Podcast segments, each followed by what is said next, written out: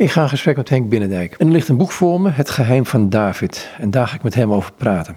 Het boek is uitgegeven bij Kokboekencentrum Uitgevers in Utrecht.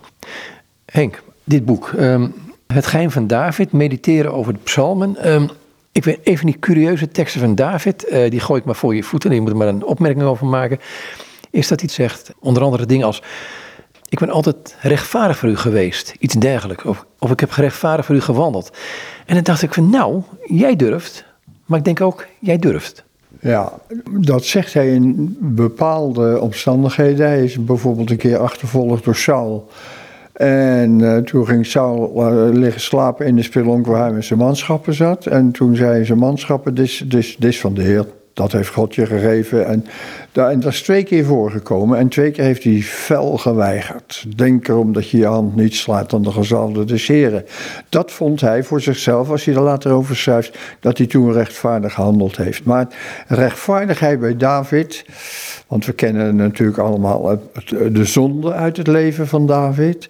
Rechtvaardigheid van David daar gaat hij toch, naarmate hij ouder wordt, veel en veel meer begrijpen. En daar schrijft hij ook over, dat is niet mijn gerechtigheid, dat is uw gerechtigheid. En u werkt dat ook in mij uit en daar dank ik u voor, maar het is uw gerechtigheid. Het is, het is ja, dat is mijn lijfspreuk, God en God alleen. Is dat hetgene wat je ook, tenminste ik merk dat ik ben nu 72, ehm, wat mij ontroert is, niet is vaak gewoon Gods goedheid. Zijn, zijn ongebreidelde goedheid en zijn interesse in jou als mens. Ja, er staat ergens een zinnetje in het voorwoord, geloof ik, van wat een God hebben wij die zo met mensen omgaat.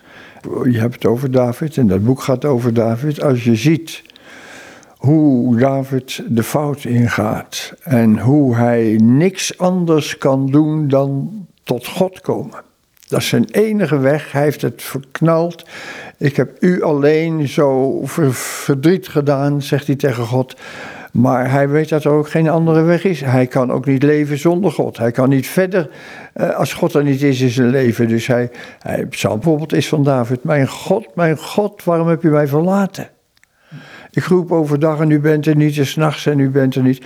Diezelfde woorden heeft Jezus gebruikt op, toen hij aan het kruis hing. Mijn God, mijn God, waarom heb je verlaten? Dus het laat zien en dat vind ik het sterke van het boek, want het heet dus Het Geheim van David. En als ze mij vragen, uh, wat is het geheim van David? Dat is zijn omgang met God. Dat is puur zijn omgang met God. En daar kun je eindeloos over praten.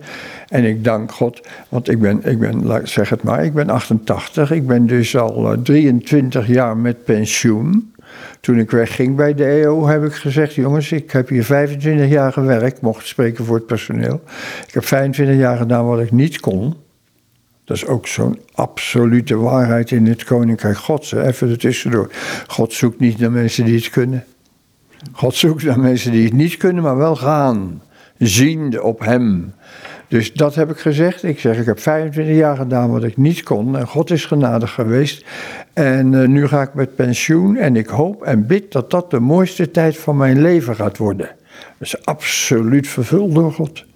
Mijn, mijn pensioen is echt absoluut de mooiste tijd van mijn leven. Ik hoor mensen klagen als ze met pensioen gaat. Oh, en nu ben ik mijn aanzien kwijt. En nu ben ik mijn baan kwijt. En maar, maar, maar bij God is dat anders. Als je God kent en je hebt een relatie met God, wat er ook gebeurt, God is eeuwig. En hij blijft. En dat vind ik, ja, ik, ik ben daarin, we zitten nou in mijn tuinhuis. Ik ga daar niet te veel over vertellen, maar ik ben met pensioen gegaan. En ik ben hier elke morgen van negen tot half één, dan loopt mijn wekker af, moet ik gaan eten bij Marjan. Eh, ben ik hier. En dan zeggen mensen, wat doe je dan? Dan zeg ik, zoek Gods aangezicht. Ik lees de Bijbel, ik bid, soms moet ik me voorbereiden op iets. Maar, maar, maar dit is voor mij. Marjan vraagt dan wel eens: ga je nooit meer tegen? En dan zeg ik nooit. Nooit. En ik kan ook drie uur in de Bijbel lezen, hoor, hoor uh, Joop, terwijl er niets is wat me aanspreekt. Vroeger was ik dan ontmoedigd, nou niet meer. Nee, ik heb Gods aangezicht gezocht. En dit is voor mijn zoon, ik, ik, ik verwacht, ik vertrouw toch dat ik tot echt tot aan mijn laatste snik dit mag blijven doen. En God vult het in. Dat vind ik zo mooi. Zoek het, uh, je komt er misschien nog op. Maar het eerste en het grote gebod is: je zult God lief hebben met je hele hart, met je hele ziel, al je kracht, al je verstand. Dat is het hele verhaal, Joop. God liefhebben, God liefhebben, God zoeken. En ja, dan, dan ontstaat er ook waar David een psalm mee begint. Die begint met een psalm, in een psalm met de woorden... Ik heb u hartelijk lief, heren. En dan gaat hij zeggen, u bent berotst. En dan noemt hij een heleboel dingen. Ik heb u hartelijk lief, heren. Nou, door Gods genade, dat woord zal ik nog vaak gebruiken hoor... kan ik dat ook zeggen. Ik heb u hartelijk lief, heren. En dat is wat God zoekt. Mensen die, weer dat eerste gebod, God liefhebben met hun hele hart. Dat is alles. Maar dat moet dan natuurlijk ook zichtbaar worden. Want ik heb ook de, de vreemde gewoonte om, als ik in een samenkomst spreek, wel eens aan mensen te vragen: wat hebt u met God? Nou, dan geven ze meestal geen antwoord op. Dan ga ik een stap verder. Dan zeg ik: wie van u leest er elke dag een kwartier in de Bijbel? En uh, dan zijn mensen die er veel kritiek op hebben. Er zijn ook mensen die mij schrijven: Wat heb je mij geholpen door die opmerking? Ik zet iedere ochtend de wekker een uur eerder. En dat is het mooiste uur van de hele dag. Voel je, dat wil ik graag overbrengen.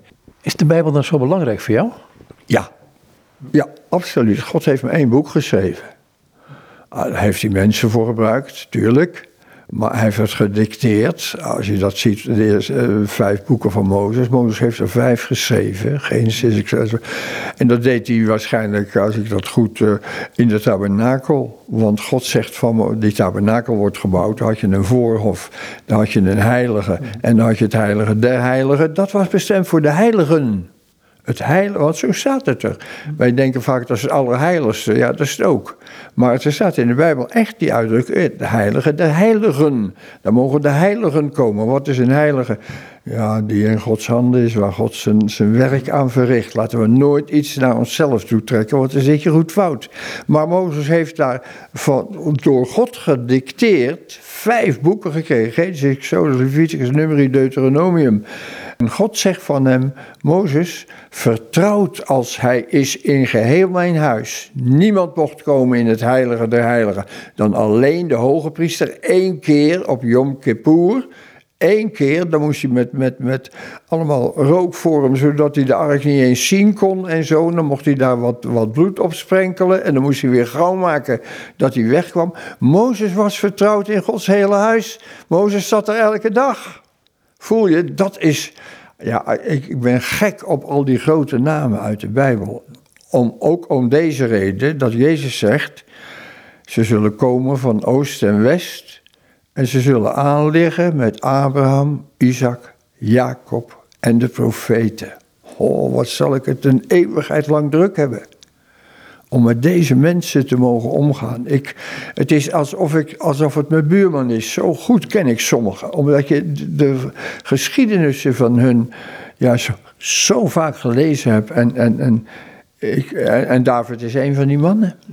Is het ook wat er, ik ga een zijstraat in, eh, ook wat er met Petrus gebeurde op de berg der verheerlijking. Dat hij Jezus zag en eh, eh, Elia en Mozes, ja. die met hem in gesprek waren. En dat Petrus roept van, laten we die retenten maken. Maar hij zag ook iets van de echte werkelijkheid, denk ik. Ja, dat is natuurlijk een schitterend verhaal. Jezus die is op weg naar Jeruzalem en die zegt tegen zijn discipelen... ik zal naar Jeruzalem gaan, ik word gevangen genomen, ze zullen me martelen... en ze zullen me aan het kruis nagelen en ik zal opstaan uit de dood. Dan komt onmiddellijk Petrus naar hem toe, dat zit in zijn karakter. En die bestraft hem, zo staat het al letterlijk in de Bijbel. Bestraft Jezus, zegt dat, verhoede God zal u geen zins geschieden. En Jezus zegt dan, Satan, ga achter mij, want jij bent niet bedacht op de dingen van God, maar op die van de mensen. Nou, God in de Bijbel, God in de hemel ziet dat. Die ziet hoe Jezus niemand vinden kan, ja, ik zou een paar anderen kunnen noemen, maar in praktisch niemand vinden kan die eh, begrijpt wat er met hem gaat gebeuren. En dan is fantasie als ik het zo zeg, maar zo ongeveer moet het gegaan zijn. Dan zegt de Heere God uh, in de hemel: Mozes, kom eens. Elia, kom eens. Mijn zoon heeft het vreselijk moeilijk en niemand heeft begrip voor hem. Gaan jullie naar de aarde, op de berg Tabor in, eh, in Israël. En hebben jullie een gesprek met mijn zoon en ga hem bemoedigen, want hij heeft het vreselijk moeilijk. En dan staan er op de berg twee man. En het leuke is daarvan ook weer, Joop, dat uh, als Petrus ze ziet, dan zegt hij, heer, laten we drie tenten opslaan. Voor u één en voor, voor, voor die ander ook één en, en, en ook voor die één. Dat zegt hij niet. Laten we drie tenten opslaan. Voor u één en voor Mozes één. Hij ziet onmiddellijk dat het Mozes is. Hij heeft hem nooit gezien. Er waren geen foto's. Voor u één, voor Mozes één en voor Elia. Zegt ook iets voor de hemel. het feest van de herkenning van elkaar. Ja, dat heb je me ooit een keer eerder in een interview gezegd. Van, uh, ik ga zoveel met deze mensen om. Ja. Dat ik met mijn ogen dicht kan ik ze herkennen. Ja, ja. En ik, ik, ik, ik, eh, als, als ik ze tegenkom, dan, als ik, ik kom ik Abraham tegen, noem je dat. Oh, ik heb het zo vaak over u gehad, Abraham. Wat een leven. Dat God u riep, ga uit je land, uit je familie, uit je vaders hand, land, naar uh, huis, naar het land dat ik je wijzen zal. En dan is het stil en God wijst hem helemaal en dan moet hij op weg gaan. En dan heel zoekende, afhankelijk van God, komt hij uiteindelijk toch in het beloofde land. Maar neem nog eens even Abraham. Hij heeft één zoon, Ismaël. Uit, ja, moet ik voorzichtig zijn wat ik zeg. Maar dan heb je weer zoiets, jij en ik zijn getrouwd. Soms moet je naar je vrouw luisteren, soms moet je niet naar haar luisteren. Dat zie je bij Abraham heel leuk. De eerste keer had hij niet moeten luisteren. Dan zegt Sarah tegen hem: eh, eh, Abraham, het gaat mij niet meer naar de wijze der vrouwen. Ik kan niet zwanger worden. God heeft het me niet vergund. Terwijl God het aan Abraham zo duidelijk beloofd had. Maar ga nou maar naar de slavin, naar Hagar en, en, verwek bij haar een kind.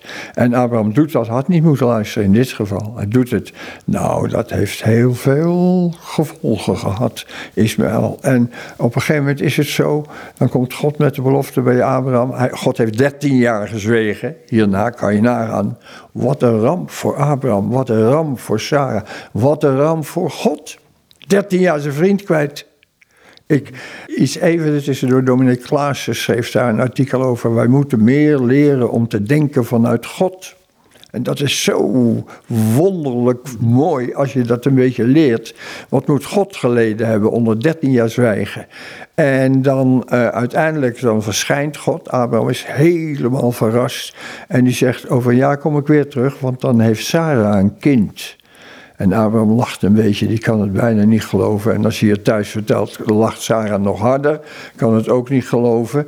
Uh, maar uiteindelijk wordt dat kind geboren. Dan is dat kind uh, uh, van de borst af, dus die kan op eigen benen staan. Dan wordt er een feest georganiseerd. En dan zit Ismaël, die is 13 jaar ouder, zijn broertje te pesten. Sarah ziet het. En Sarah roept Abraham en zegt: Abraham, stuur die slavin met haar zoon weg, want hij zal niet erven met mijn zoon, met Isaac. En Abraham wil niet. En dan moet God ertussen komen. En dan zegt God, voor ons vertrouwde man een leuke regel hoor, vind ik. God zegt tegen Abraham: Abraham, luister naar Sarah in alles wat ze zegt. Dat geldt voor jou. Dus soms moet je naar Inge luisteren, soms moet je niet luisteren. Dat heb ik dus ook. En, uh, maar dat is wel leuk, vind ik, want wij als mannen mogen dat toch een beetje bepalen. Nou vallen de feministen over me heen, denk ik, maar laat maar. En dan, dan is, dat, is die jongen groot geworden. Waarschijnlijk is hij al dertig, volgens de Joodse uitleg. En dan komt God tot Abraham in een droom en zegt: Abraham, neem je zoon, je enige, die je lief hebt, Isaac. En gaat naar een van de bergen die ik jou wijzen zal. Dat is de Tempelberg achteraf, waar, nu, uh, waar dus de tempel gestaan heeft. Ga naar een van de bergen die ik je wijzen zal. Eh, en ook voor je zoon. En dan staat er in de Bijbel: De volgende morgen stond Abraham vroeg op, nam zijn zoon, knechten mee, houdt mee en gaat naar die plek. Dat is je wat, Joop. Je hebt er nog één over, want die andere heb je weg moeten sturen. En op die één rusten alle beloften. En God zegt, die ga je dus offeren. En Abraham bouwt een altaar en neemt zijn zwaard en wil hem doden. En dan wordt er geschreeuwd uit de hemel: Abraham, Abraham, doe de jongen geen kwaad. En dan hoeft het dus niet. En ik verbind daar altijd de gedachte aan.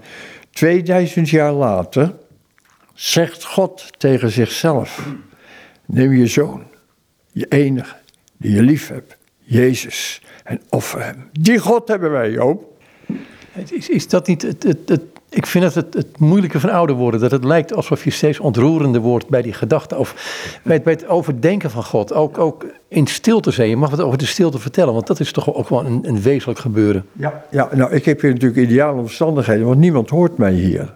Maar als ik mijn Bijbel lees, heb ik echt regelmatig. Dan schiet ik ineens in de lach. En even later zit ik te huilen. het is zo mooi. Het evangelie is zo, zo groot. Eh, ik had pas een gesprek met iemand die uit een bepaalde kerk, die dacht dat hij helemaal goed zat. Ik ga natuurlijk geen namen noemen. En die had hij mij, want het was eh, ergens, het had hij mij wat horen zeggen. En toen kwam hij naar me toe. Hij zei, ik snap dat niet zo goed. Jij hebt het over bekering. En je bent als kind gedoopt en je bent uh, uh, vol beleidnis gedaan. Je, hebt al, je was vreselijk actief. dan hoef je toch niet tot bekering te komen. Ik zeg, verkering tot bekering komen geldt niet alleen voor iemand die in de goot ligt, maar ook voor iemand die in de kerkbank zit. En ik heb toen ik 25 was tot bekering moeten komen. En ik heb daar heel erg tegen opgezien. Ik was onzeker, ik zat toen goed in mijn vel. En ik was zeer godsdienstig in mijn kerk. Dus ik dacht, het zit goed. Ik werd meegenomen door een vriend van me naar een jongerenconferentie. En daar zag ik dat zij iets hadden wat ik niet had. En uh, toen begreep ik dat een christen iemand is die zijn hele leven aan God geeft. En ik heb tegen God toen gezegd, want ik ging het echt begrijpen dat ik me bekeren moest. Ik heb gezegd, Heere God, ik wil wel veel godsdienstiger worden dan ik nu ben. Maar ik zeg geen ja tegen u. Het heeft heel lang geduurd, maanden, dat ik dat absoluut van me afduwde. Totdat bij mij de gedachte boven kwam: God had één zoon. En hij offerde hem. Hij joeg hem de dood in. Hij dus draaide zich om, zodat zijn zoon aan het kruis het uitschreef. Waarom hebt u mij verlaten, mijn God? Ik zeg, God had één zoon, hij offerde hem, ook voor mij. Dan moet dat een goede God zijn. En als ik mijn leven leg in de handen van een goede God, dan moet er wat goeds uitkomen. En dat heeft God ten volle bewezen. Is, is, is dat, want dat lees ik ook in jouw um, boek over het geheim van David. Is die overgave daarin belangrijk? Die, ik zou bijna willen zeggen een soort capitulatie. Ja, dat is het. Je geeft het uit handen. Jezus zegt heel simpel: wie zijn leven wil behouden, zal het verliezen. Maar wie het verloren heeft om mij het wil, die zal het vinden. Dus je bent alles kwijt. Je hebt dus ook, dat zei ik ook tegen God. Heere God, ik, ik, ik, ik begrijp u niet in veel dingen. Ik vertrouw u ook niet. Want wat gaat u met mij doen als ik zeg: hier hebt u mijn leven? En dat is natuurlijk, als ik mijn leven terugkijk. Ja, nogmaals, ik ben zo, zo, zo dankbaar voor wat God gedaan heeft. Het is zo uniek. Ik zeg toch regelmatig tegen de Heere God: hoe hebt u het kunnen bedenken? En hij begon, hij zette door, hij maakt het af. David zegt in een van de psalmen: U kende mijn vormeloze begin. Bij mijn geboorte werd ik al aan u overgegeven. Ja, en, en toen ging God aan het werk. Maar God kan niet, in iemand, kan niet in iemand werken als hij zijn leven niet voor de volle 100% geeft. Ik, ik gebruik wel eens het voorbeeldje van er waren geloof ik 10.000 mensen bij de Heer Jezus en die volgden hem al twee dagen. Toen zei de Heer tegen zijn discipelen, gaan jullie eens wat brood halen, want die mensen die, die, die, gaat niet goed, die moeten het eten hebben. En toen zei ze, ja hoe kan dat nou voor zo'n massa, we zitten hier in de wildernis. Toen zei hij, ga eens kijken of er iemand is die wat heeft. Kwamen ze terug met een jongen, die had vijf broden en twee vissen. En van die vijf broden en twee vissen die de Heer Jezus brak, werd die hele massa gevoed. Stel je nou eens voor dat die jongen met die vijf broden en die twee vissen of drie vissen bij de Heer Jezus kwam. En dat hij gezegd had, Heer, u hebt mijn broden op één voorwaarde, u moet ze wel heel houden. Dan had Jezus gezegd, jongen, neem ze maar weer mee, want dan kan ik er niks mee. En met iemand die zich onder voorwaarden aan de Heer Jezus geeft, denk erom, Heer, u moet wel opletten dat... Dan zegt de Heer, ja joh, ga maar weer, want ik kan niks met je. Maar als je echt je leven in Gods handen legt en hij mag echt doen wat hij wil... Dan, ja, dat is, dat is een beetje griezelig wel. Want dan gaat hij via wet, zegt David ook...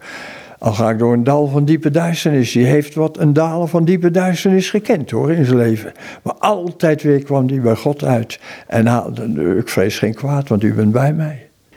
Is dat zijn geheim? Altijd naar God toe gaan? Want wat ik in de psalmen ook zo curieus vind. Um, hij zegt ook alles tegen God. Ja. Hij houdt niets terug. Ja, ja nou daarom... Hij is niet zo beschaafd en beleefd als wij misschien zouden zijn. Ja, nou, hij, hij heeft ook Psalm 139 geschreven, waarin hij schrijft: U kent en u doorgrondt mij. Het is natuurlijk waanzin om niet alles te zeggen, want God doorgrondt je. Hij kent je gedachten. Hij weet welke motieven of ik heb als ik iets zeg of als ik iets doe.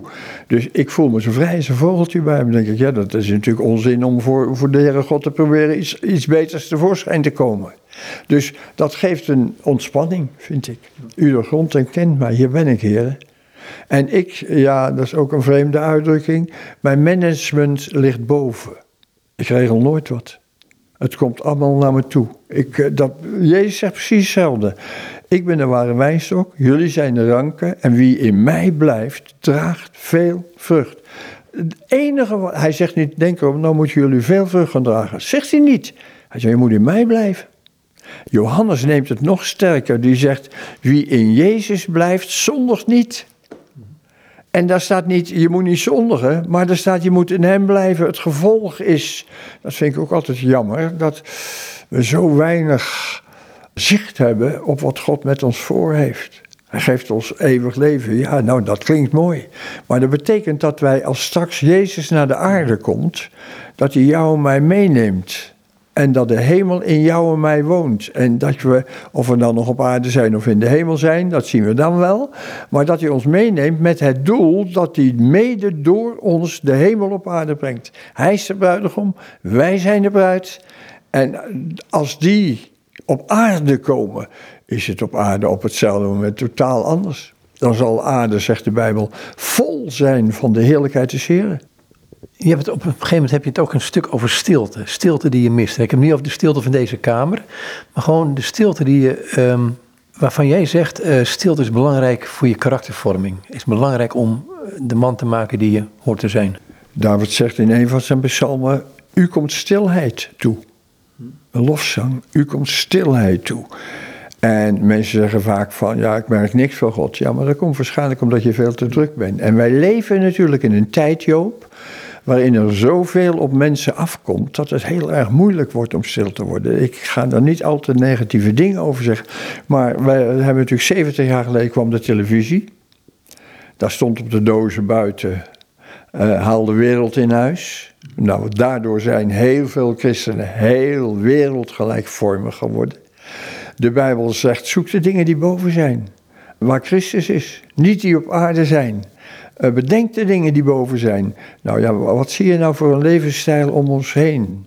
Smartphone, televisie, uh, uh, internet. En ik snap best wel dat bijvoorbeeld internet, daar kunnen de meeste mensen niet meer van buiten, omdat ze moeten vanwege hun studie, vanwege hun werk. Maar je kan wel leren om er goed mee om te gaan.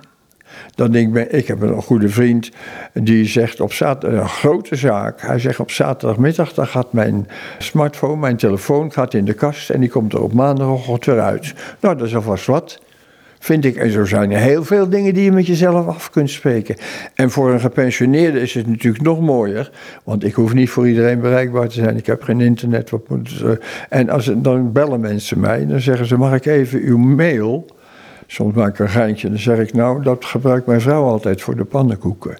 Maar soms ben ik ook iets serieuzer en dan zeg ik nee, die heb ik niet. En dan is het even stil en in veel gevallen zeggen ze, wat een gezegend mens bent u. Ja, dat ben ik, maar waarom moet ik, waarom moet ik dat allemaal hebben? Terwijl ik zo graag me vullen wil met de dingen van de Heere God. En je mandje is zo vol, als je je vol pakt met alles van de aarde, kan de Heere God er niet meer doorheen komen. Er komt een tijd, zegt Paulus, dat wij het gezonde evangelie niet meer zullen verstaan, want omdat ons gehoor verwend is. We halen alles naar binnen en daardoor komt God er niet meer tussen bijna. David zegt op een gegeven moment ook, mijn ziel keer stil tot God. Um, ik moet ook aan een tekst uit Filippenzen denken, uh, maar die heb ik niet heel erg goed paraat.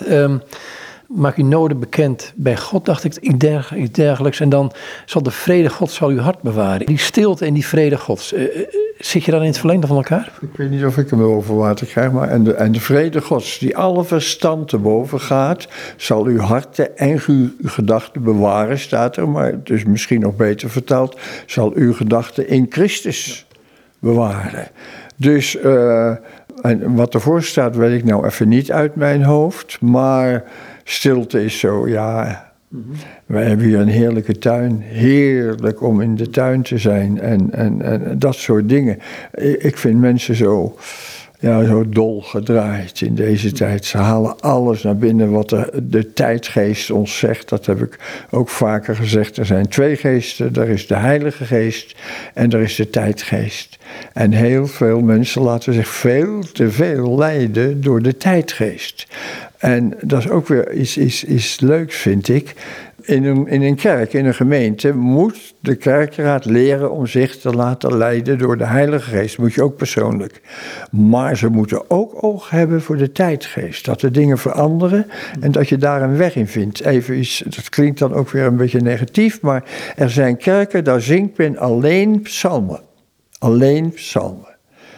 Dat betekent dat ze nooit een lied zingen waar de naam van Jezus in voorkomt. Dat kan je toch eigenlijk niet maken.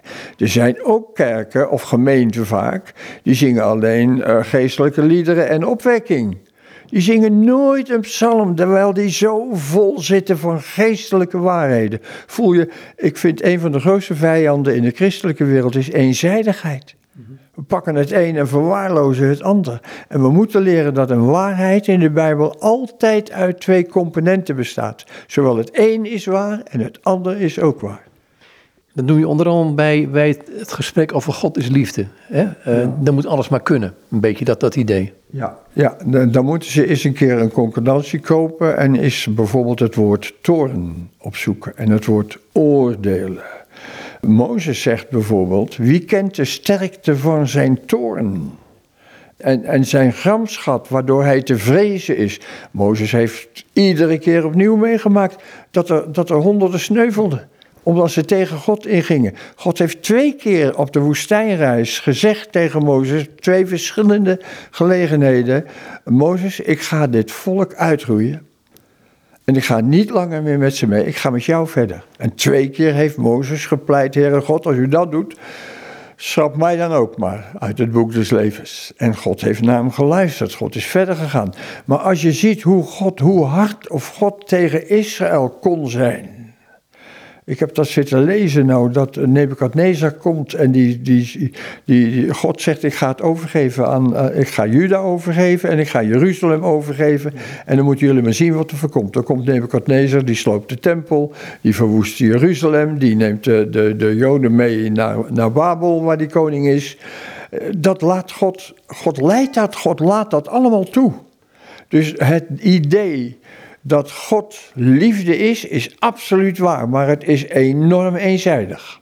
Hij is God. Die, die twee kanten, de ene kant um, de genade, de barmhartigheid.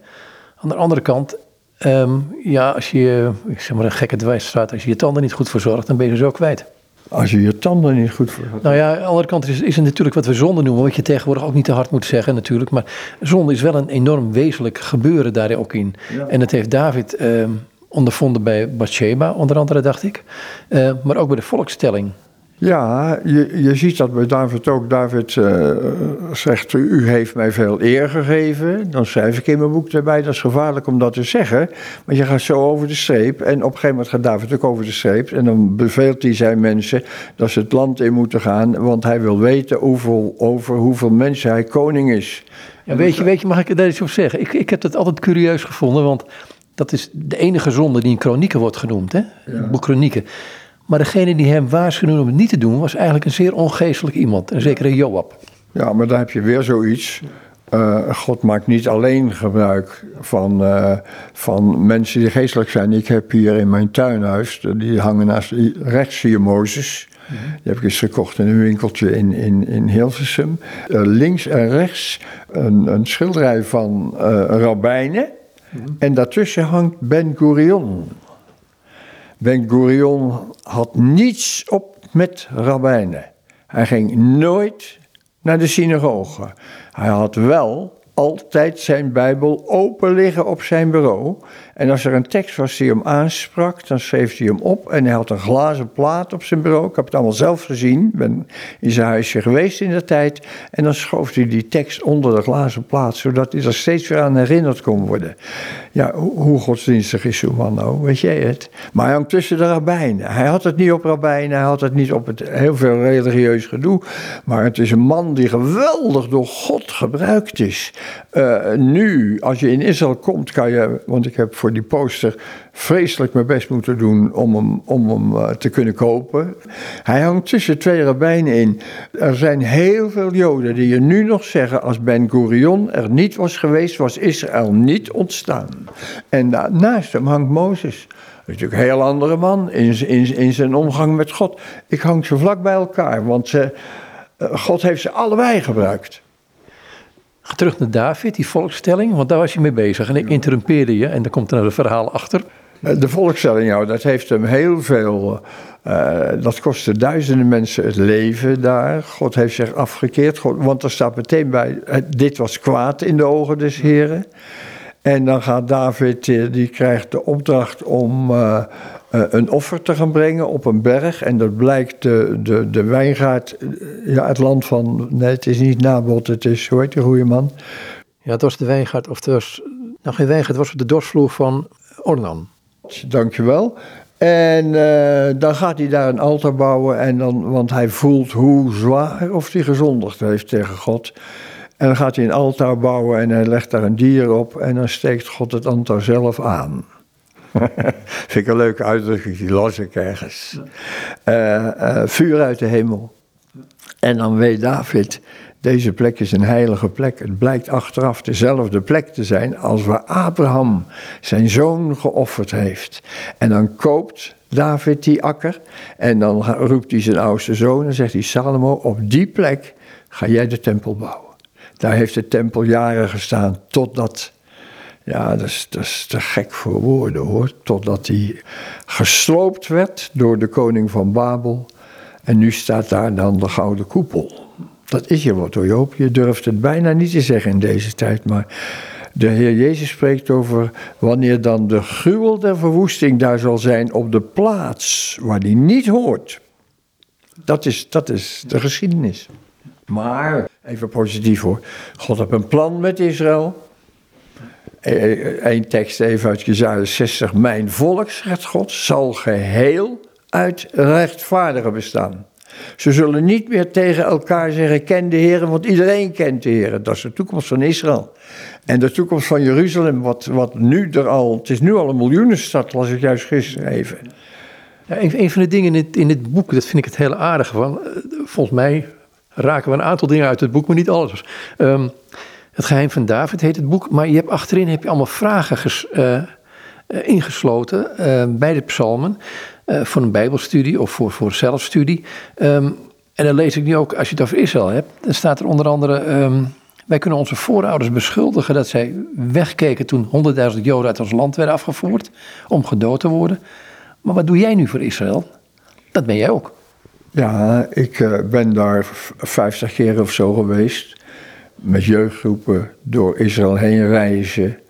Ik heb, dat kan je daar in het keukentje zien, ik heb een schilderij hangen van een, een rabbijn, Brodman. Die was net zo oud als ik. Die was drie jaar. Toen werd hij weggevoerd naar de concentratiekampen. En ongeveer zijn hele familie is daar omgekomen. Hij is er levend uitgekomen. Uh, ik had met hem een geestelijk contact. Zo sterk, zo sterk. Maar, dat zeg ik er even bij, ik heb bij hem nooit de naam van Jezus genoemd. Toen ik dat voor de televisie een keer zei, kreeg ik een boze brief van een prediker. Die zei, daar moet jij straks verantwoording voor afleggen dat je met een Jood niet over Jezus spreekt.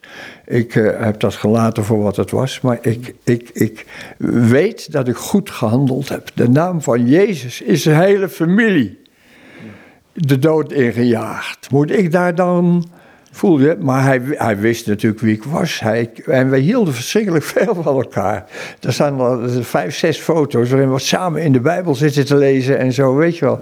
Dan denk ik, ja, Eh, ik geloof ook dat iedere wedergeboren christen, iedere echte christen, een sterke relatie zal hebben met orthodoxe Joden.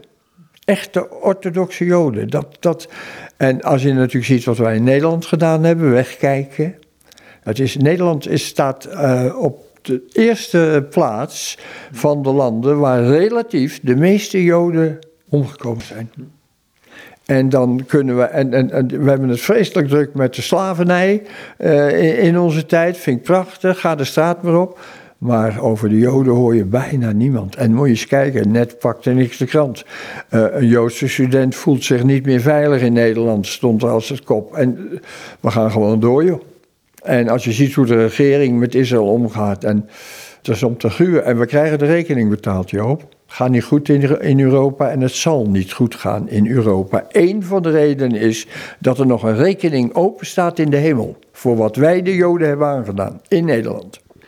Ik ga naar een heel ander onderwerp toe. Uh, in de negentiger jaren, ik, ik, put me een beetje onze gezamenlijke geschiedenis, was het nogal in zwang bij sommige lui om te zeggen: er is een godsverduistering. Uh, en jij schrijft een van de, bij Psalm 145, zeg je van. Um, een vraag die hij stelt is van David kende niet alleen God, maar hij kende ook Gods plan. Zelfs tegen Job moest God zeggen: Wie is het toch die het raadsbesluit verduistert? Nou, dan heb je weer zoiets. Hè. Dat vind ik daar. Ik, ik kan bijna zeggen, daar leid ik onder dat er zo weinig toch relatief gezegd wordt over wat God van nou van plan is. Kijk, wat is God van plan? Weer even in het kort. Hij komt, straks gaat hij zijn zoon naar de aarde zenden. Die zal koning zijn in Jeruzalem over de hele aarde. Je kunt tientallen teksten pakken uit de Bijbel. Maar het is niet alleen Jezus. Hij komt als bruidegom met zijn bruid. En wij hebben daar, we kunnen in kerk horen, je bent een zondaar en je blijft een zondaar. Dan denk ik, jongens, nog een toe. Waarom toch blijven we zo laag hangen? En waarom gaat het in ons geestelijk leven vaak zo vaak over onszelf? Als ik maar in de hemel kom, dan is het. We, hebben, we denken zo weinig uit God. En daarom duurt het ook zo lang voordat Koninkrijk Gods op aarde komt. Daar zijn wij mede schuldig aan. Maar nogmaals, even positief, want uh, uh, je stond in de eindtijd een prachtige, heilige, God toegewijde gemeente hebben op aarde omdat het zo moeilijk gaat worden. We krijgen straks de grote verdrukking. En daar moeten we allemaal doorheen, christen of geen christen. En het zal voor een christen heel moeilijk zijn om dan op de been te blijven. Want de antichrist komt en als je niet voor een buigt word je gedood enzovoort. Dus het gaat je heel wat kosten. Maar in die tijd zullen er toch ook echt, ik weet niet of ik het woord veel of weinig moet gebruiken, christenen zijn die, die, die zich zo gedreven voelen om naar God toe te gaan. Omdat ze weten, als ik niet een echte relatie met God heb, ga ik eraan en haak ik los zoals een heleboel mensen loshaken. En daarom zal je in de eindtijd gemeente hebben. Ja, ik heb nu al een beetje, als ik, als, ik, als ik naar de kerk ga, ik zeg er niet veel over. Dan voordat we weggaan bidden we altijd, Marjan en ik. En dan zeg ik vaak, Heere God, u weet naar welke kerk of ik ga. Ik ga ervan uit dat u ook vanochtend naar die kerk gaat. En, en, dan, en, en dan, dan proef ik daar iets van Gods tegenwoordigheid. En dat zou je in de eindtijd veel en veel meer hebben. Gek voorbeeldje. Ik kwam van het strand af. En toen was het schemerig geworden. En ik had in de zon gelopen, maar de zon was ondergegaan. En toen kwam ik daar uh, van het strand af. En toen zag ik de volle maan. En toen kwam de gedachte op me af. Als de zon ondergaat, is de maan het bewijs dat de zon bestaat. Hij geeft geen licht, hij weerspiegelt licht, het licht van de zon. Nou, in de duistere tijd van de eindtijd is de gemeente het bewijs dat God bestaat. Mooi zal die zijn, zo mooi. Je zal zo uitzien, als het dan nog mag, naar de zondag. Doe ik ook, nu al. De laatste drie hoofdstukken in het. Uh...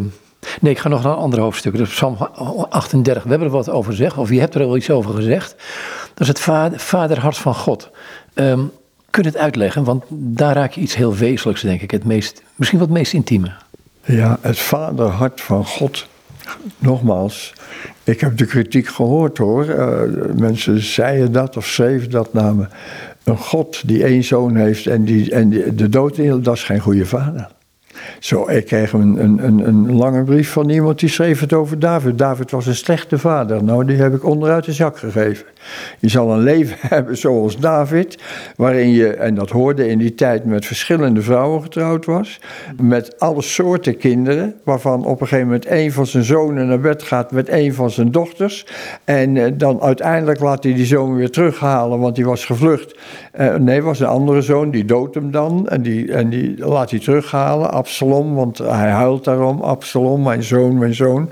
En Absalom die gaat een plannetje maken om een, zijn vader van de troon te stoten. En die vormt een legertje. En dan moet zijn vader vluchten voor zijn eigen zoon. Om even een paar dingen te noemen. Die man heeft een ongelooflijk. Hij heeft 78 psalmen geschreven.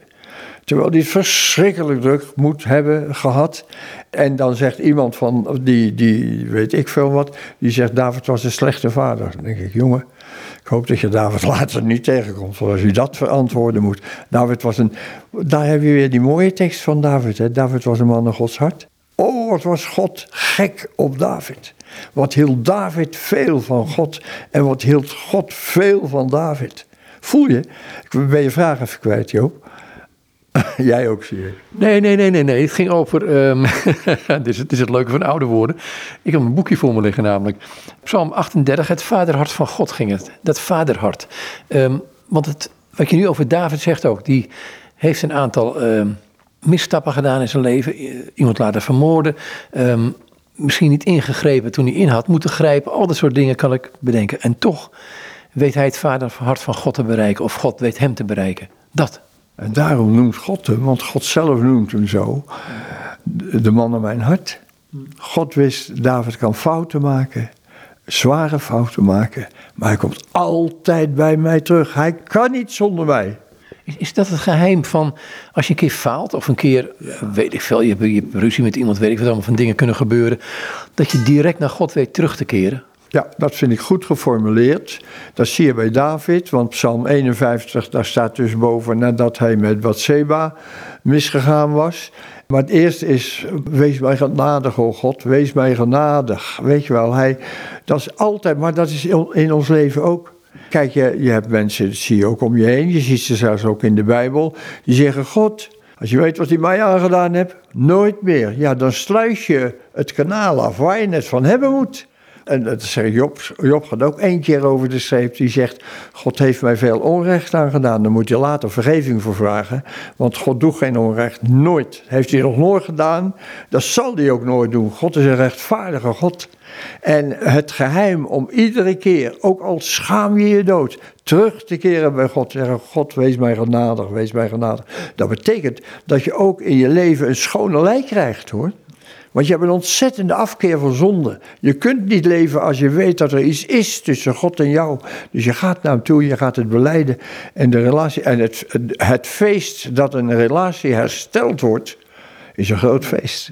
Maar gaat die genade dan zo ver in je leven dat je op een gegeven moment. Ehm, ik zeg nu iets heel geks misschien. Ehm, dat wanneer je medegekruisigd bent, zoals het zo gezegd wordt door Paulus.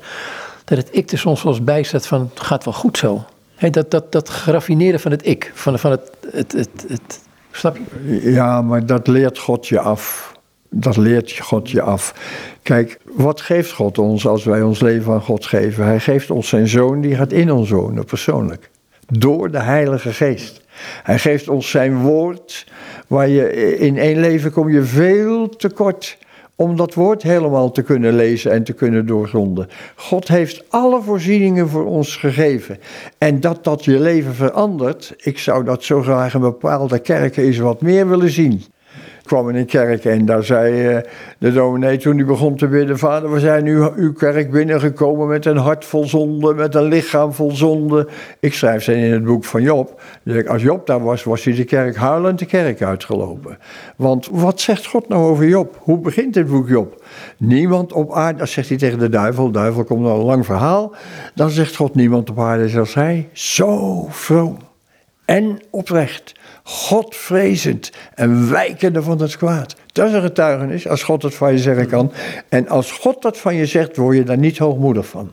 Dat kan niet, want je weet het is God en God alleen. Hij begon. Hij zet het door. Hij maakt het af. Voel je, en daardoor is ja, leeft een christen een ander leven? Heb ik ook eens een hoofdstuk over in een, ja, ik heb gecorrespondeerd met een predikant, die zei we zijn allemaal zondaars en christenen zijn niet beter. Die heb ik een hele lange brief toen gestuurd van christenen zijn wel beter.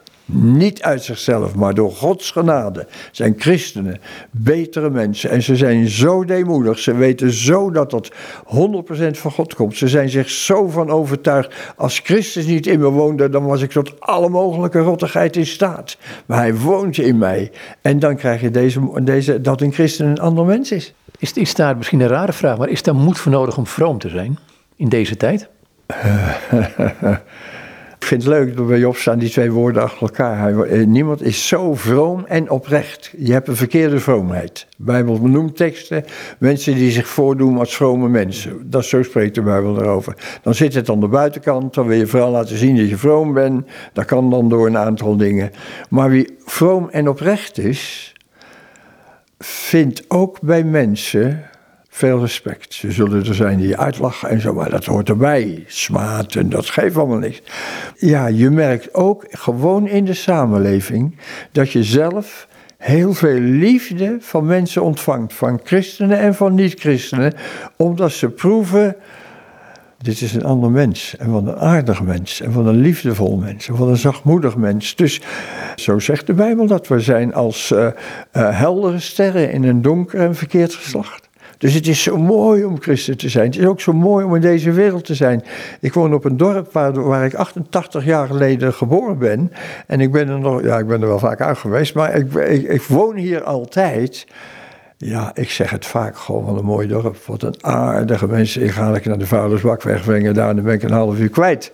Weet je wel, dan komen, dan komen zo. Eh, en dat vind ik heerlijk. Dus je kunt ook, kijk, als wij het erover hebben dat als Jezus komt, komen we mee. Dan mogen we de hemel op aarde brengen. Maar mag je nu ook een beetje hemel op aarde brengen in je huwelijk. Door Gods genade. In je gezin. Weer door Gods genade. Wij hebben uh, nog vier kinderen, we hadden er vijf. We hebben twaalf kleinkinderen. Als ik zie, ook zij onderling. Mijn jongste dochter ging naar Oostenrijk. Maar die hadden een klein autootje. Mijn, mijn oudste zoon zag dat. Die zegt, jullie gaan niet met het autootje naar Oostenrijk. Jullie nemen mijn auto. Zo gaan ze allemaal met elkaar om. Voel je? Dus dan denk ik, oh, wat, wat is er veel moois in dit leven. Wat is er veel om van te genieten. In alle opzichten. Dus het is, ja, het is duizend procent voorrecht om een kind van God te mogen zijn. Door zijn genade alleen. God en God alleen. Dan gaan de laatste drie hoofdstukken, daar waar ik naartoe. Oh ja. De laatste drie hoofdstukken um, gaan over wat heeft God met jou, wat heb jij met God en God en God alleen. Zet dat een beetje het hele boek neer in een nutshell. Ja, jawel. De eerste is, wat heb jij met God? Nou, dan, dan noem ik weer even mijn kwartiertje in de Bijbel lezen per dag. Waar sommige mensen vreselijk kritiek op hebben en anderen je bedanken voor die, voor die raad. Dus wat heb je met God? Ja, dat zegt David natuurlijk ook. Buiten u heb ik niks. Wie heb ik nevens u in de hemel? Dus wat heb je met God? En het is zo mooi om veel met God te mogen hebben. Dat is toch een wonder. Hij is een schepper van de hemel en aarde. Kijk graag naar de sterren. David deed dat ook. Aanschouw ik de hemel. Het werk van uw vingers, de manen, de sterren die u gemaakt hebt. Wat is dan de mens dat u aan hem denkt, zegt hij. Toch heb u hem bijna goddelijk gemaakt, zegt hij er meteen achteraan. Maar dat een mensje, een schepsel, dat zeg ik in, in mijn voorwoord. Daar zeg ik, nooit heeft een boek schrijven mij zo dicht bij God gebracht als dit boek. En dan, dan zeg ik daarna, ik voelde me als een kleine jongen die erbij mocht zijn als twee grootheden met elkaar in gesprek waren. De grootheid van de schepper en een heel klein mensje die ook nog heel zondig kon zijn, maar waar God ook iets groots van maakte. En het feit, Joop, dat wij gemeenschap mogen hebben omgang mogen hebben met de schepper van hemel en aarde. Hij sprak en het was er. Hij gebood en het stond er. En jij en ik mogen met hem omgang hebben. En hij kent jou en mij. En, hij, en wij kennen hem. Ja, wat wil je dan nog meer?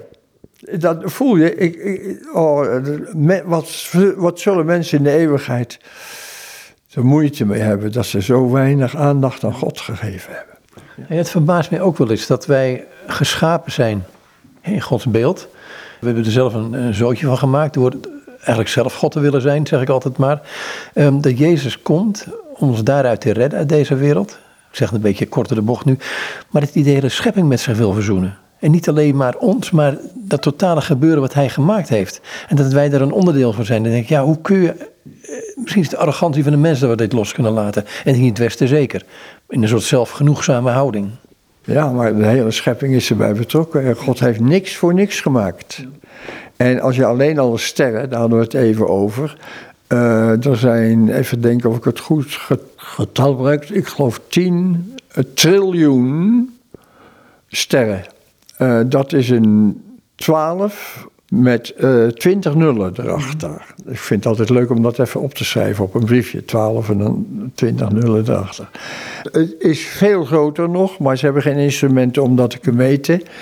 Ja, dat is er allemaal bij betrokken. Het gekke is natuurlijk, in dat enorme, onmetelijke heelal... heeft hij één planeetje uitgezocht en die noemde die aarde. En daar gebeurt alles op. Maar straks staat de hele schepping. En we zullen een lichaam hebben waarin we ons uh, ja, verplaatsen kunnen. Hoe dan ook. Dus de toekomst is adembenemend mooi. Maar nu, een andere uitdrukking, nu, je, uh, je zult in de eeuwigheid zijn wat God hier mm van je heeft kunnen maken. Daarom is dit, het is een aanloopje, dit is het voorwoord in Gods grote boek, schrijft iemand. Maar hier wordt het wel bepaald voor een groot deel.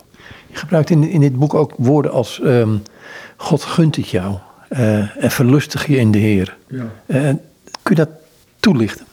Ja, God wil dit dolgraag. Mm en het moet voor God een lijdensweg zijn om te zien hoe ongeïnteresseerd of mensen kunnen zijn in God. Dat heb je nu ook in Europa.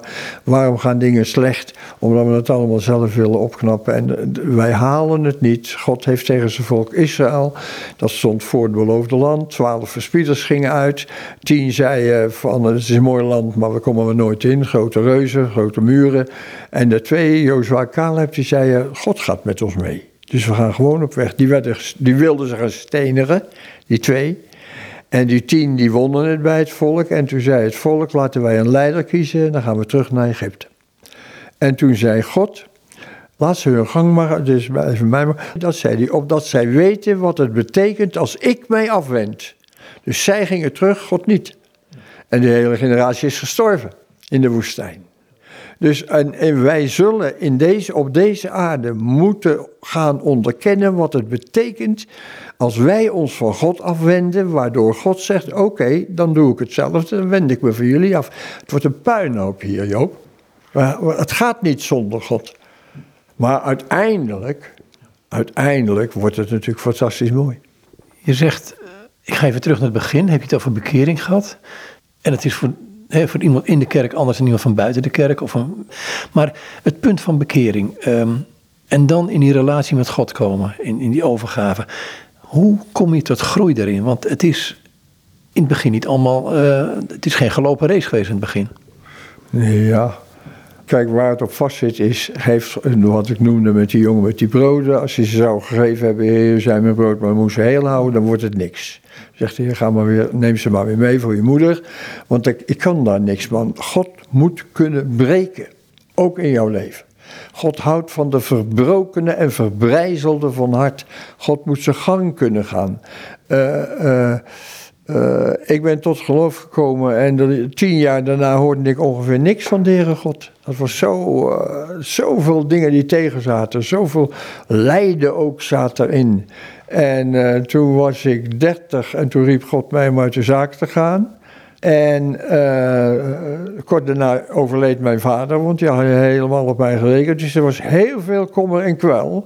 Maar toen ik veertig was, tien jaar later, kwamen er twee mannen van de evangelische omroep om mij te vragen of ik daar wilde komen werken.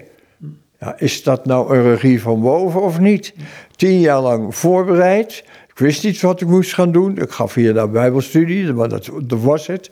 Toen kon ik 25 jaar lang bij de EO via radio, televisie, boeken, jongerendagen, familiedagen, vul maar in, eindeloos het evangelie verkondigen. Ja, maar dat zijn dingen die je doen, die je gedaan hebt en gekregen hebt. Die intieme relatie met God. Want bij David lees ik een enorme worsteling, maar tegelijkertijd enorm genieten van God eigenlijk. Misschien moet ik het anders zeggen. In de middeleeuwen had je bij ehm, eh, sommige christenen deze term. ehm, met het genieten en het... Nee, met het gebruiken en het gebreken moet ik zeggen. Dus het gebruiken, het genieten van God. En het gebreken, dat lijkt dat God zich even terugtrekt, waardoor je hem kunt zoeken. Eh, eh, dat, dat, nou spel is het niet, dat, die dynamiek. God is niet oproepbaar. Ik wil je zeggen, heer, ik, ik zit hier dus nu, dus eh, dat gaat gewoon niet. Dat bepaalt God zelf. En God weet wat op dat moment het beste voor hem is. Zal ik me aan hem openbaren of zal ik hem de rug toekeren? Het feit dat God zich verbergt heeft een hele positieve uitwerking. Ik liep met mijn kinderen toen ze nog heel klein waren te wandelen in een bos. Die liepen dan voor je uit, want die vonden die eikels en die kastanjes en die beukennootjes allemaal veel interessanter dan de vader. Dus dan was ik ze kwijt en dan liet ik ze lopen. En op een gegeven moment dan ging ik achter een hele dikke eik of een beuk staan. En dan werd het een beetje donker en dan, kwamen ze, dan keerden ze om, want ze zagen ik was er niet. En dan liepen ze eerst nog een beetje lachend te zoeken. En eh, op een gegeven moment gingen ze huilen, we waren nog klein dan. Papa, papa. En totdat ze bij de boom kwamen waar ik achter stond. En daar sprong ik ze achter vandaan. Dan had ik ze alle drie in mijn armen. Dat wou ik erg graag. Daar ging het mij om. Bij God ook. Als hij zich verbergt, is dat alleen maar omdat hij wil dat we hem gaan zoeken, zodat hij zich kan openbaren. Maar komen we zover niet, ja, dan, dan, dan gebeurt er niks, dan is er niks. Maar eh, je moet echt leren in het leven dat God niet oproepbaar is hoor. Hij heeft geen telefoonnummer dat je zegt ik zal hem bellen of zo. En daar moeten we mee akkoord gaan in de wetenschap. Als God zegt die niet nu mij dichter nabij komt, dan heeft hij iets. Ik heb even over een huis. Ik, wilde een huis, dat is heel lang geleden natuurlijk, een huis. En eh, daar liep ik iedere keer voorbij, biddend. Ik dacht, het was een bungalowtje. Ik dacht, nou, dat is hem. En eh, toen werd het verkocht. En toen kwam er een ander huis, dat is het huis waar ik nu woon. En toen dat huis verkocht was en ik zeer teleurgesteld was, want ik had echt gedacht, dit gaat God mij geven, was het alsof God mij duidelijk maakte, Henk, als ik jou wat niet geef, heb ik wat beters voor je. Nou, dat bleek. God weet wat hij doet. Geloof ik ook. Hey, dankjewel. Graag gedaan, Joop. En dit zei Henk Binnendijk. En met hem was ik in gesprek. Aan de hand van het boek Het Geheim van David. Mediteren over de psalmen. Eh, we hebben een aantal dingen getoucheerd uit het boek. Maar ik zou het van harte aanbevelen. Want het is de moeite zeer waard. Het boek bestaat uit een aantal dus... ehm, commentaren bij de psalmen, mag ik wel zeggen. En tegelijkertijd een aantal vragen erbij die je in bijbelstudiegroepen prachtig kunt gebruiken. Het boek is trouwens uitgegeven bij uitgeverij Kok Boekencentrum Uitgevers in Utrecht. Goed, nogmaals dus tot zover dit gesprek met Henk Binnendijk.